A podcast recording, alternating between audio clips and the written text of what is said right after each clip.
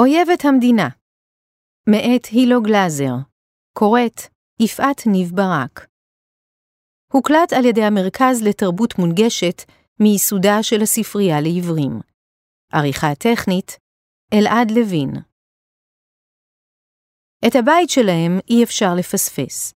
הכביש שמתפתל מסמן את הדרך אליו באמצעות השלטים הכניסה מותרת לאוהבי ישראל בלבד, תומכי חמאס לעזה, ובשיפא חסרים רופאים. מעקה הרחוב צבוע בכחול לבן, אך רק במקטע ספציפי מול חזית הבית, ועליו מתנוססים דגלי ישראל ודגלי חילות צה"ל. את המיצג הכוחני משלימה חנוקיית ענק בצורת מגן דוד, שהותקנה על שער הכניסה. תשע הנורות שלה עדיין דולקות מדי ערב. עד לא מזמן זה היה בית חלומות. כשנכנסים פנימה, ההשקעה ותשומת הלב ניכרים בכל פרט. המרצפות בפטיו עוצבו בעבודת יד. שיחי השושנים גזומים בדייקנות.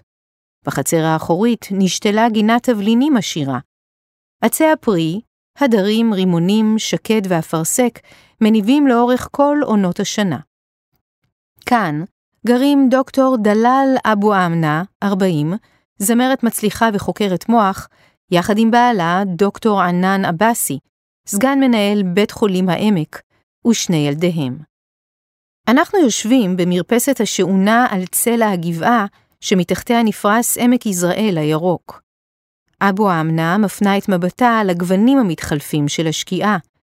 היא יודעת שכשהשמש תיבלע בין כפלי העמק, יהיה זה האות של השכנים להגיע אל הבית, לקראת עוד ערב קודר. היום זאת תהיה ההפגנה ה-63, היא אומרת בשעה שהשמיים מאפילים. החיים של אבו אמנה הפכו לגיהנום ברגע.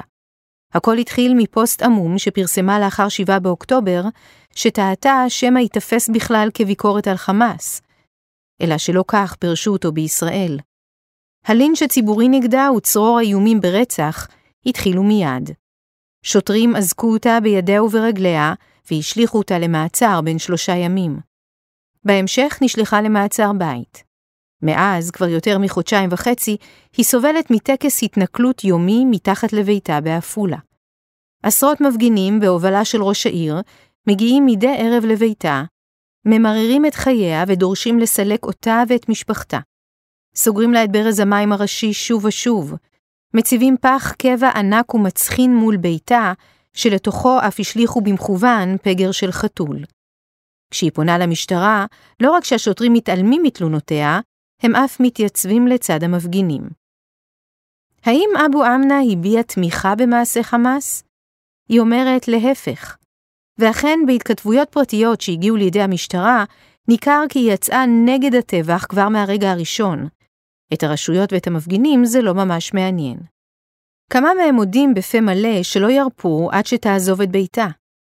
אבו אמנה מבקשת להדגיש כי הכאב שלה מינורי לעומת מה שכולם חווים עכשיו, ולמרות זאת, היא כועסת. בסוף זו בכלל לא סוגיה של דלל, היא אומרת בריאיון למוסף הארץ. בחרו בי כשעיר לעזאזל, דווקא כי אני דמות נורמטיבית, משכילה, אקדמאית, מישהי שאפילו לא משתתפת בהפגנות. רוצים לשבור את הרוח שלי, כדי להפחיד את כולנו, את כל הערבים.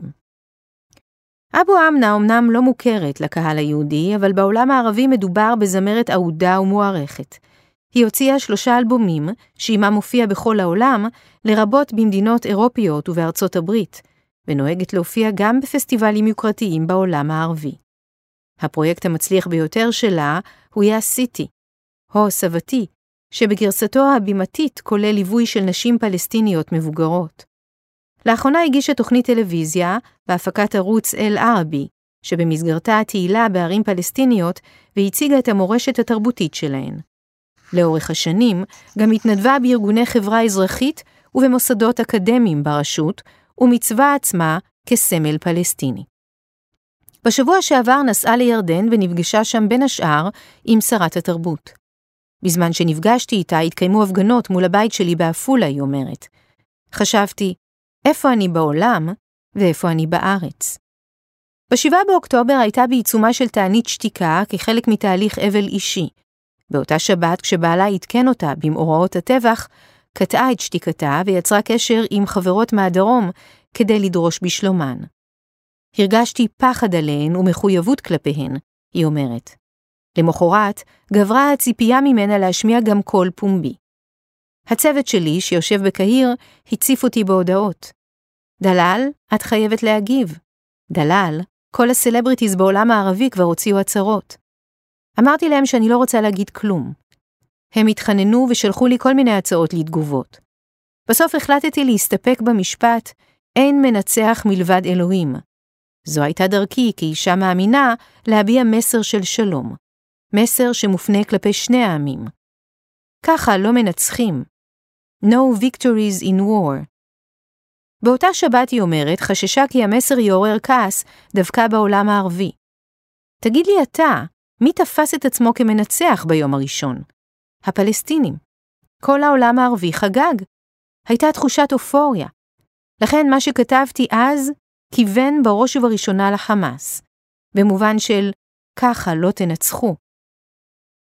לפוסט שפורסם בשמה באינסטגרם נחשפה רק כעבור כמה שעות. אז גם גילתה שאשת הסושיאל שלה טיבלה אותו באימוג'י עם דגל פלסטין. כעסתי, היא אומרת. פניתי לצוות שלי והסברתי שרציתי להעביר מסר כללי, ועכשיו מקשרים אותי עם צד אחד ותופסים אותי כמותה. אני מניחה שהצוות שלי, בתת מודע, ניסה להגן עליי בעולם הערבי. בינתיים הפוסט צבר כבר איזה 20 אלף לייקים. צעקתי עליהם. איך נוריד את זה עכשיו? תחושת אי הנחת שלה מהפרסום גברה, ולמחרת בבוקר היא שיגרה לצוות שלה הודעה בזו הלשון, בתרגום מערבית. בוקר טוב, בנות. אני מבקשת לא לפרסם שום דבר בתקופה זו. בכל פעם שאני רואה את הפוסט מאתמול עם הדגל, בא לי להקיא. אין שום שמחה מבחינתי. חבל מאוד על הרצח שקורה ושהולך לקרות עכשיו בעזה. כל אלה מעשים שמחוזקים על ידי השטן. יש בי סירוב גדול לכל הבעה של ניצחון או שמחה. זכותו של מדוכא להגן על עצמו, אך בדרכים שאפשר אלוהים. הפוסט גורם לי לכאבי בטן שלא לדבר על הרדיפה החוקית שאני עלולה להיקלע אליה. בבקשה לא לחזור ולפרסם דבר. אפילו את הפוסט הזה בא לי למחוק, אבל הדבר כבר בלתי אפשרי, כי זה יגרום לתגובת נגד. בינתיים הופץ הפוסט על ידי אושיית טוויטר בשם מורן, דוברת ערבית ופעילה עקבית בניטור התבטאויות של מובילי דעת קהל ערבים. מורן התייחסה להשפעה הרבה של אבו אמנה, חוקרת בטכניון, דוקטור למדעי המוח וזמרת עם מיליון עוקבים בפייסבוק, ונטעה את המשפט שלה בפרשנות היסטורית שהרחיקה עד המאה השמינית לספירה. הסיסמה הזאת, בעלת מימד היסטורי חשוב מאוד, כתבה מורן, היא סמל לניצחון המוסלמים שכבשו את אנדלוסיה. אבו אמנה מתנערת מהפרשנות הזאת. אין שום קשר, היא אומרת. יש משפט שיהודים משתמשים בו הרבה. אין לנו על מי לסמוך אלא על הקדוש ברוך הוא. לזה בדיוק התכוונתי. כך או כך, הציוד זכה לשיתופים רבים, ואבו אמנה הבינה שעליה למזער נזקים. ברגע שראיתי שהפוסט שלי קיבל פרשנות לא נכונה, ביקשתי מהבנות בקהיר למחוק אותו ולהשבית את כל הדפים שלי ברשתות החברתיות. העדפתי להנמיך פרופיל עד שירגעו הרוחות. אבל זה כבר היה מאוחר מדי. השיתופים התפשטו בקצב מעריכי, ולאבו אמנה שוגר מטח הודעות נאצה ואיומים מפורשים. נרדוף אותך, המוות שלך קרוב. נהרוג אותך, בת זונה, ואת כל החברים הטרוריסטים שלך. וגם, לשפוך עלייך דלק ולשרוף בת של כלבים שרמוטה. קיווינו שהדברים יירגעו מעצמם, אבל זה רק גדל וגדל, היא אומרת. מחבלת, נאנוס אותך. באיזשהו שלב ראיתי שמישהי קראה לי עוזרת נאצים מקבוצת פייסבוק של סטודנטים בטכניון. אמרתי לבעלי, יאללה, הולכים להתלונן. אם בן גביר זכה בתביעת לשון הרע נגד מי שכינה אותו נאצי, אז אחת כמוני בטוח זוכה. ביום ב' 16 באוקטובר ניגשו אבו אמנה ובעלה לתחנת משטרת נצרת והגישו תלונה כנגד 15 אזרחים שקראו לפגוע בה או איימו לעשות זאת. רגע אחרי שסיימה לתאר לשוטרים את השתלשלות האירועים, הם תפסו תפנית לא צפויה. בתה, לור, בת ה-15, ובנה הישם, בן ה-13, התקשרו לבעלה מבוהלים. הם סיפרו כי שוטרים מתדבקים על דלת הבית ומחפשים את אמא. ניסינו להבין מה הם רוצים, אומרת אבו אמנה. הסברנו שאני כבר בנצרת, מגישה תלונה. הם אמרו, חכו שם. תוך זמן קצר הגיעו השוטרים מתחנת עפולה. מקהלה של שוטרים שבאו לתפוס את הפושעת הגדולה. שוטרת אחת אמרה לי, יאללה, חמאסניקית, בואי. לקחו אותי לבדיקה גופנית. שאלתי, מצאתם את הנשק האטומי שאני מחביאה? אבו אמנה עוצרת ומכסה את פניה בידיה. ואז הגיע הרגע שבחיים לא אשכח. היא הוציאה אזיקים ואזקה אותי בידיים וברגליים. צעקתי. בעלי שאל, בשביל מה אתם אוזקים אותה? וכל הזמן הזה לא אומרים לי במה אני חשודה. אמרתי לשוטר, אללה ג'זיקום, שזה בעברית שאלוהים יחזיר לך מה שמגיע לך. משפט שכל אמא אומרת לילדים שלה כשהיא כועסת. לי הדביקו ככה עבירה של איום על שוטר. באופן עקרוני המשטרה לא מורשית לפתוח בחקירה מסוג זה, מחשש לפגיעה בחופש הביטוי, ללא אישור הפרקליטות. אלא שעם פרוץ המלחמה, נתן פרקליט המדינה עמית איסמן למשטרה אישור גורף לפתוח בחקירות נגד מי שהביעו תמיכה בטבח. התוצאה מאז הייתה גל של מעצרים, רבים מהם מעצרי שווא, נגד אזרחים ערבים שהעזו למתוח ביקורת על המלחמה, או להביע הזדהות עם כאבם של תושבי עזה. אבו אמנה נעצרה במסגרת אותו מסלול מקוצר. לקחו אותי בניידת לתחנה בעפולה. היו איתי שלושה שוטרים ברכב. התפללתי בשקט ועצמתי עיניים. אחד מהם אמר, דלל, שירי לנו משהו. למה את שרה רק לחמאסניקים? השאר התפוצצו מצחוק. שוטר אחר אמר, היום הרגנו איזה מאה ילדים בעזה במכה אחת. ניסו להרגיז אותי, להכאיב לי. המשכתי לחזור על הפסוקים בשקט. אבו אמנה המתינה בתחנת עפולה, עדיין אזוקה. שוטר אחד שם אמר לי, את הזמרת הבלונדינית? תכף תשירי בעזה. איזה כיף יהיה לכם שם. חמאסניקים אוהבים בלונדיניות. כשהוכנסה לחדר החקירות, אומתה עם שלושה חשדות. התנהגות שעלולה להפר את שלום הציבור, איומים והפרעה לשוטר בעת מילוי תפקידו. בינתיים, הוציאה המשטרה הודעה לתקשורת שבה הובא מעצרה של אבו אמנה כדוגמה למאבק המשטרתי בהסתה ותמיכה בטרור. בגוף ההודעה ייחסה לה המשטרה חשד לגילויי שבח, הסתה ודברי שנאה, אלא שאבו אמנה מבהירה, והפרוטוקולים של הדיונים בעניינה תומכים בכך, כי בפועל מעולם לא נחשדה בסעיפים אלו. הם בשום שלב לא טענו את זה כנגדי, אבל זה כבר הספיק כדי להפוך אותי לתומכת טרור. החקירה עצמה ארכה כחצי שעה בלבד. לא הסתרתי כלום. אמרתי לשוטר שהוא יכול לבדוק בשרתים שהפוסט הועלה מקהיר, וגם לקרוא את ההתכתבויות ביני לבין הצוות שלי שבהן אני כועסת על התוספת של הדגל. אבו אמנה העבירה לילה בתחנת עפולה. לאחריו ביקשה המשטרה להאריך את מעצרה בחמישה ימים, אולם השופט אישר הארכה של יום אחד בלבד.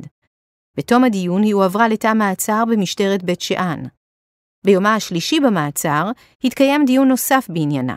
הפעם השופט מתח ביקורת על בקשת המשטרה להאריך את מעצרה. אבו אמנה נשלחה למעצר בית של חמישה ימים אצל אימא שלה, ונאסר עליה לפרסם פוסטים שקשורים למלחמה במשך 45 ימים. התיק בינתיים הועבר לפרקליטות. שם, סבורים שמדובר בתיק חלש למדי, ומעריכים שהוא צפוי להיסגר. אבו אמנה נשארה אצל אמה שבוע נוסף, מתוך תקווה שבינתיים תדעך ההמולה סביבה, ואז שבה לבעלה וילדיה מתבגרים. היא לא שיערה אז שאפיזודת המעצר היא רק החלק הראשון במסכת הייסורים שלה. היא גדלה בנצרת למשפחה ממעמד בינוני. יש לה עוד ארבע אחיות ששתיים מהן חרשות. ראיתי איך לעגו להן וזה הפעיל אותי. זו אחת הסיבות שמשכו אותי למדע. רציתי למצוא תרופה שתאפשר לאחיות שלי להשתלב טוב יותר בחברה.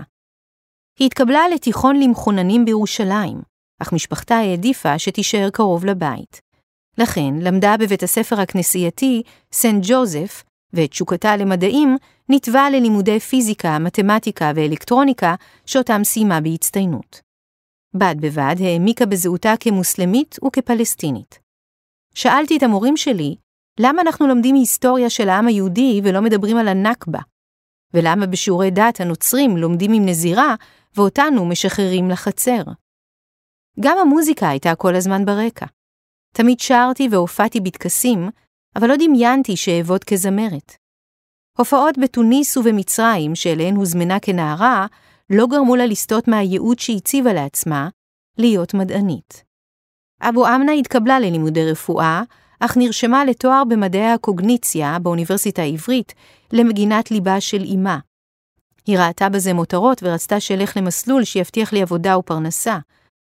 אביה דווקא העדיף שתתמסר לקריירת השירה, שבינתיים צברה תנופה. הוא אמר, רופאים יש בלי סוף, אבל קול כמו שלך זה דבר חד פעמי. הופעותיה הראשונות היו שילוב בין ביצועים משירי אום כולתום בצד שירים מקוריים, לרבות כאלה שכתב לבעלה ענן, רופא עיניים ומשורר חובב.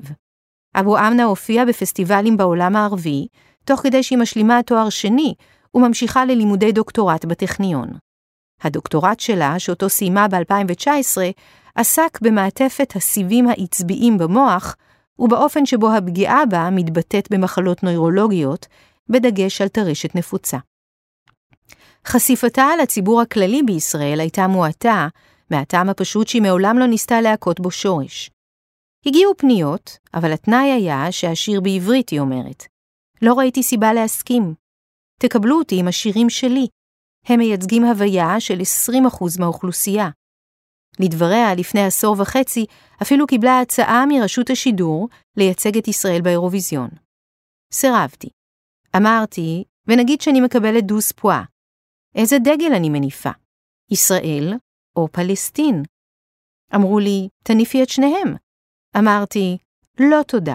זה הרי לא יתקבל יפה בשני הצדדים. הייתי חוטפת גם מפה וגם משם. במקביל, התקדמות באקדמיה הציבה אתגרים משלה.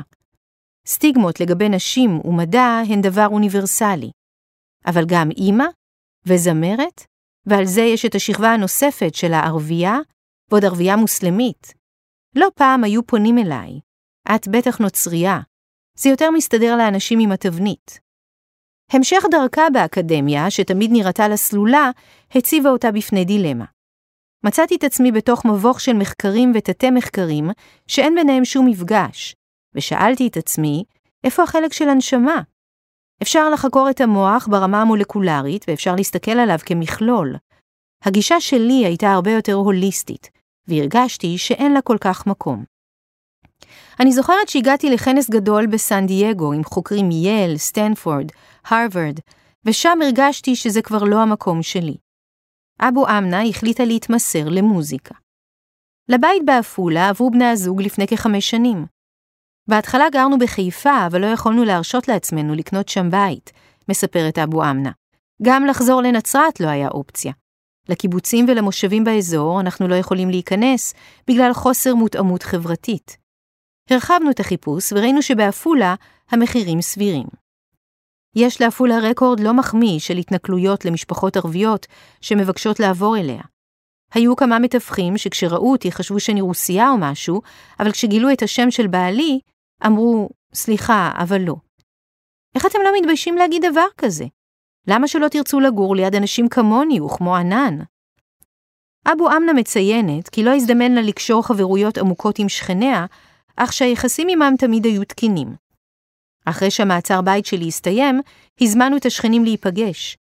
כתבנו להם, בואו נספר לכם בדיוק מה קרה, נסביר איך נוצרה אי ההבנה הזאת. תבין, אלו שכנים שהביאו לנו עוגה כשעברנו לכאן, אבל הם אפילו לא ענו. ואז אני רואה אותם פה מתחת לבית, מפגינים נגדי. אני לא יכולה להסביר לך כמה נעלבתי. דוקטור עבאסי מספר שבין המפגינים המתמידים זיהה גם שכנה שפעם פנתה אליו בייאושה לאחר שבנה קיבל טיפול רפואי לקוי. בזמנו היא לא הפסיקה להודות לי, אמרה שהצלתי לה את הילד. ועוד מטופלת שעברה אצלו ניתוח קטרקט. כל המסכות ירדו, הוא אומר. ההפגנה ביום ראשון של תחילת החודש נפתחת בחרבו דרבו. ראש העיר אבי אלקבץ עומד במרכז דבוקת המפגינים, מותח דגל ומצטרף לשירים הבוקעים מן הרמקול. מנחה הערב הוא עוזרו יהודה משה. אין לנו שום דבר נגד ערבים, אנחנו בפירוש נגדכם, כורז משה למרגלות הבית. בשכונה שלנו גרות כבר 17 משפחות ערביות. הם בנו בתים, חיים איתנו בשלום, לא מציקים לאף אחד. אבל לא יעזור לך כלום, דלל. להגיד שאללה ינצח זה בדיוק כמו להגיד אללה הוא אכבר. אנחנו לא תמימים. נפגין פה כל ערב עד שתסיקו את המסקנה. עוזר ראש העיר מתייחס גם למחולת האשפה שהוצבה באחרונה מול דלת הכניסה של המשפחה. מאז עוברים ושבים זורקים את האשפה שלהם בפח הענק נטול המכסה, שתכולתו מבאישה למרחוק. באחד הימים תועד גבר, לבוש וסט צהוב, כמו זה שלובשים עובדי עירייה, משליך בתוכו גופת חתול שהביא עמו. אמרתם שאין לכם פח, מגחך משה. תראו איזה אפליה מתקנת עשו בשבילכם. איזה פח זבל גדול קיבלתם.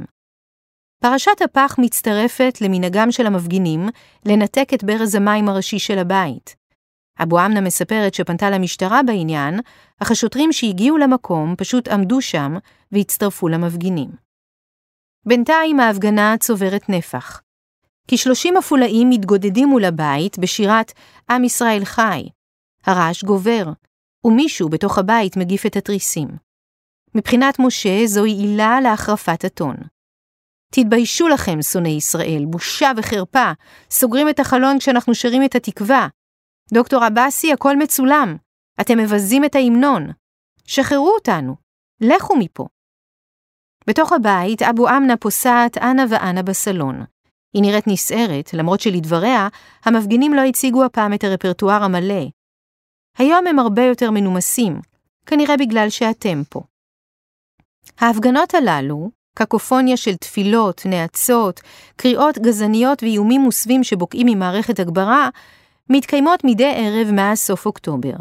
הן אולי התלקחו מנביאת זעם ספונטנית של שכנים כועסים, אבל כעת נראות יותר כמו קמפיין מאורגן שמוביל ראש העיר.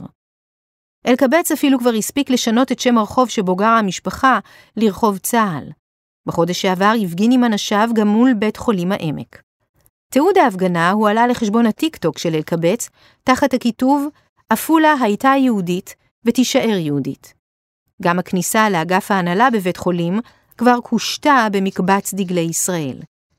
המפגינים, שמכנים את עבאסי בכינויי גנאי, דורשים שיפוטר לאלתר מתפקידו בבית החולים, וזאת למרות הגינוי הברור והחד משמעי לטבח שפרסם בחודש שעבר. הצהרה דומה פרסם בעקבות פנייה של עובדים מודאגים בעניינו להנהלת קופת חולים כללית, שמפעילה את בית החולים. ואפילו זה לא הספיק לחלק מהצוות בבית החולים, הוא אומר. עבאסי מספר כי גורמים בהנהלה בדקו עמו אפשרות שלצד ההצהרה יוציא עצמו לחופשה עד יעבור זעם. הוא סירב. את הדרישה המופנית כלפיו מהמפגינים, שיפרסם גינוי נוסף שבו הוא מתנער מאשתו, דוחה עבאסי מכל וכל. ענן לא יכול להסתתר מאחורי החצאית שלה, אומר עופר רגב, מנהל סוכנות רכב בעיר ואחד ממובילי המחאה. רגב אומר כי נפגש עם עבאסי ביחידות בניסיון למנוע את התלקחות ההפגנות. אמרתי לו, בוא, יש לנו בעיה. איך שלא תסובב את זה, אשתך תומכת במחבלים. אתם חייבים לעשות משהו דרסטי.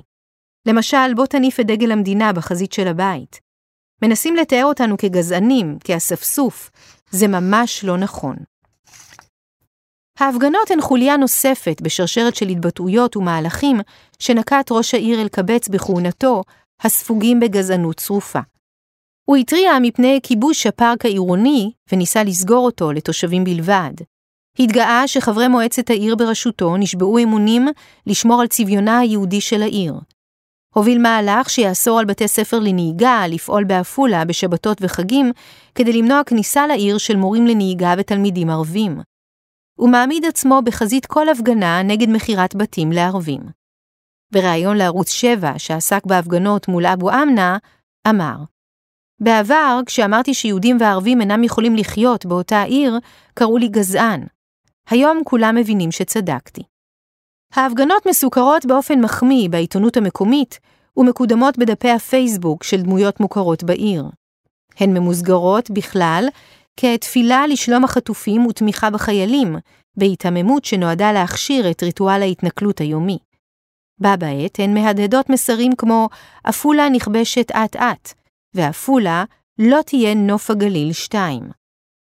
הפוסט מ-7 באוקטובר הוא העילה האקטואלית בדרישה לגירושה של אבו אמנה מעפולה, אך כבר מזמן לא היחידה.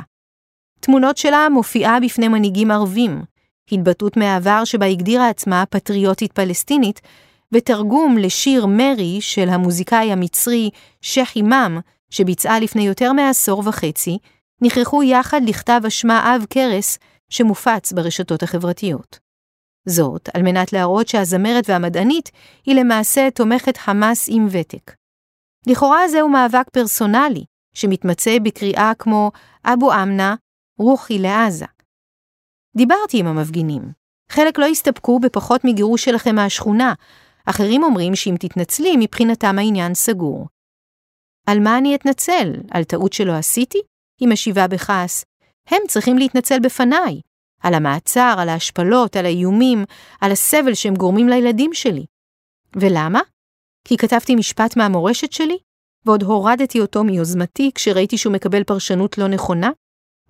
הם הבינו אותי לא נכון. ממני צריכים לבקש סליחה. שלושה חודשים אין לי אוויר, אני לא נושמת. למה שאני אתנצל בפניכם? על מה? העוול הוא כלפיי. עבור רבים מהמפגינים, הפוסט שהתייחס ל-7 באוקטובר הוא כבר לא לב העניין. הם מזכירים למשל שביטלת הופעה בדובאי לציון החתימה על הסכמי אברהם. נכון, ביטלתי למרות שאבו מאזן בעצמו ביקש שאייצג את פלסטין באירוע הזה, אחרי שקיבלתי פניות מה-BDS. זו תנועה שאני לא מסכימה איתה במאה אחוז, ויש לי גם לא מעט ביקורת עליה. אבל במקרה הזה, כל התנועות הפלסטיניות התנגדו לאירוע, כי ישראל הציגה בו את התעשיות הביטחוניות שלה. זה היה אירוע מעורר מחלוקת. הם גם מציגים סרטון שלך מבצעת שיר של המוזיקאי שייח' אימאם עם הקריאה להתקוממות פלסטינית כנגד ראש הנחש. זה חלק מאותו ציד מכשפות. מדובר בשיר מורשת מצרי שנכתב מפיו של לוחם וייטנאמי אחרי נסיגת ארצות הברית. הופעתי איתו לפני 17 שנה במסגרת פסטיבל שהנושא שלו היה המהפכות. זה סימבול. מנסים בכל הכוח להדביק לי משהו, אז חזרו לשיר ששרתי בגיל 24. דרישה נוספת של המפגינים היא לגינוי של חמאס. חשבת לפרסם הצהרה פומבית כזאת כדי לשים לזה סוף? קודם כל, הדרישה שאגנה מעליבה אותי. אני לא אגנה.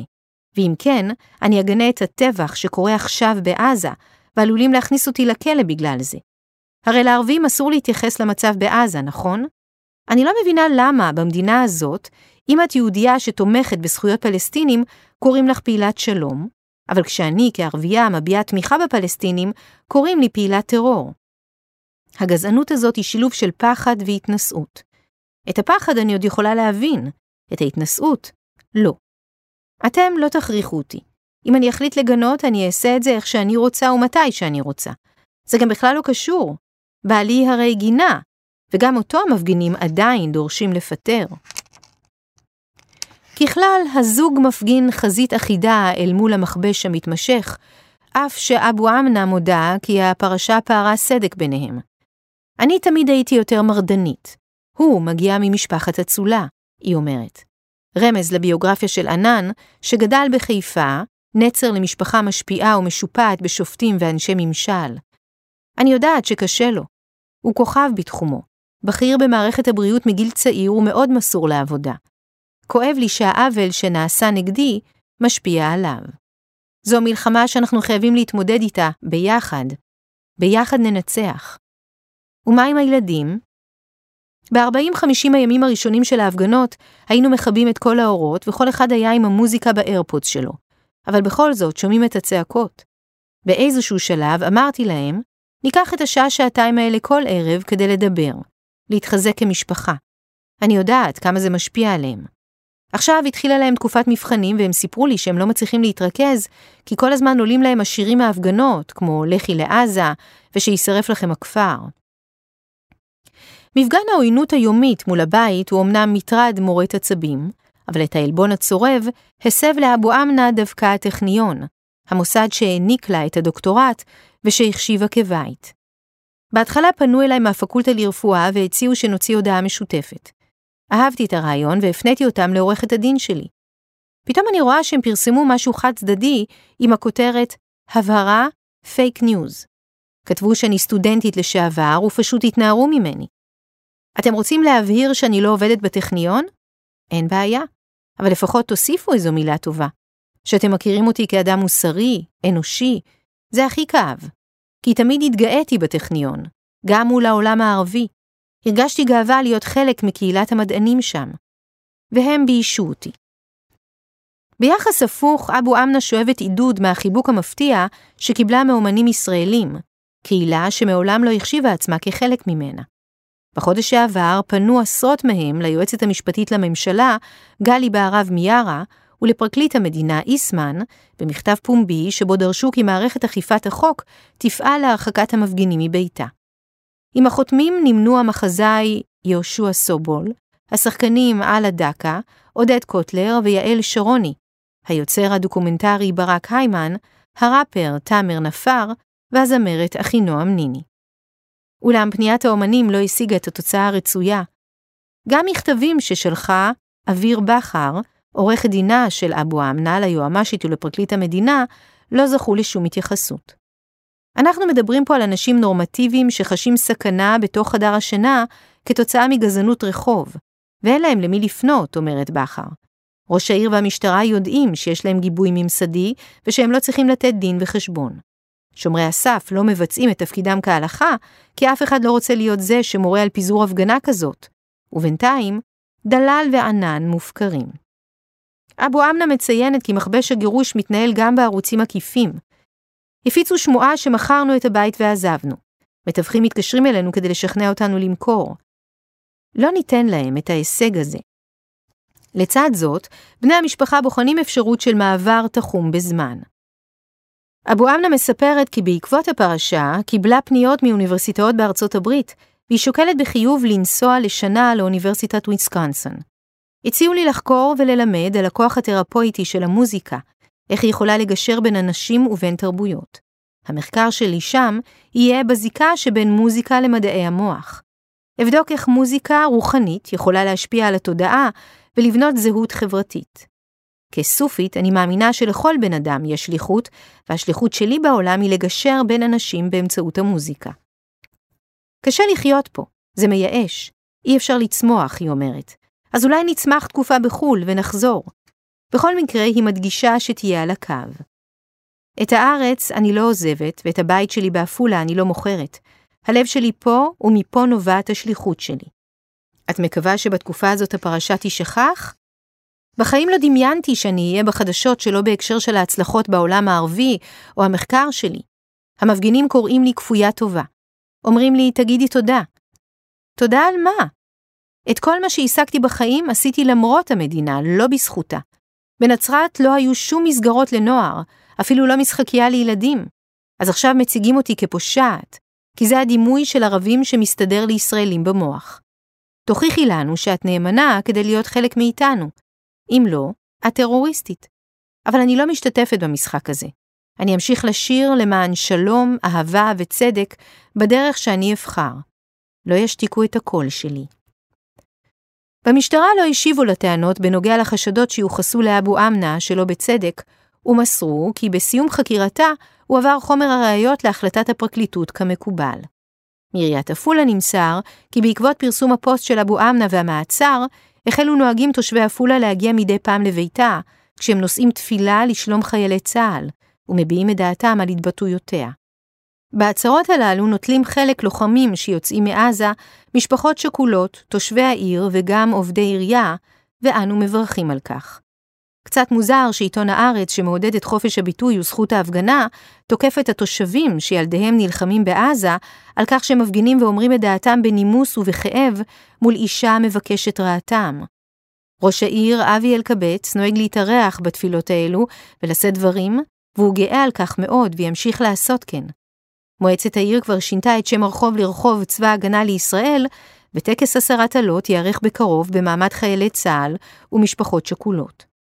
צבא ההגנה לישראל מגן עלינו ומגן גם על הגברת דלאל אבו אמנה, שחיה חיי נוחות בעיר יהודית, בזמן שהיא עצמה תוקפת את היהודים. מהטכניון נמסר בתגובה. דוקטור דלאל אבו אמנה סיימה את הדוקטורט בטכניון ב-2019, ומאז לא הועסקה או למדה בטכניון. הטכניון אינו מתיימר ואין זה מתפקידו לייצג את בוגריו בסיום לימודיהם.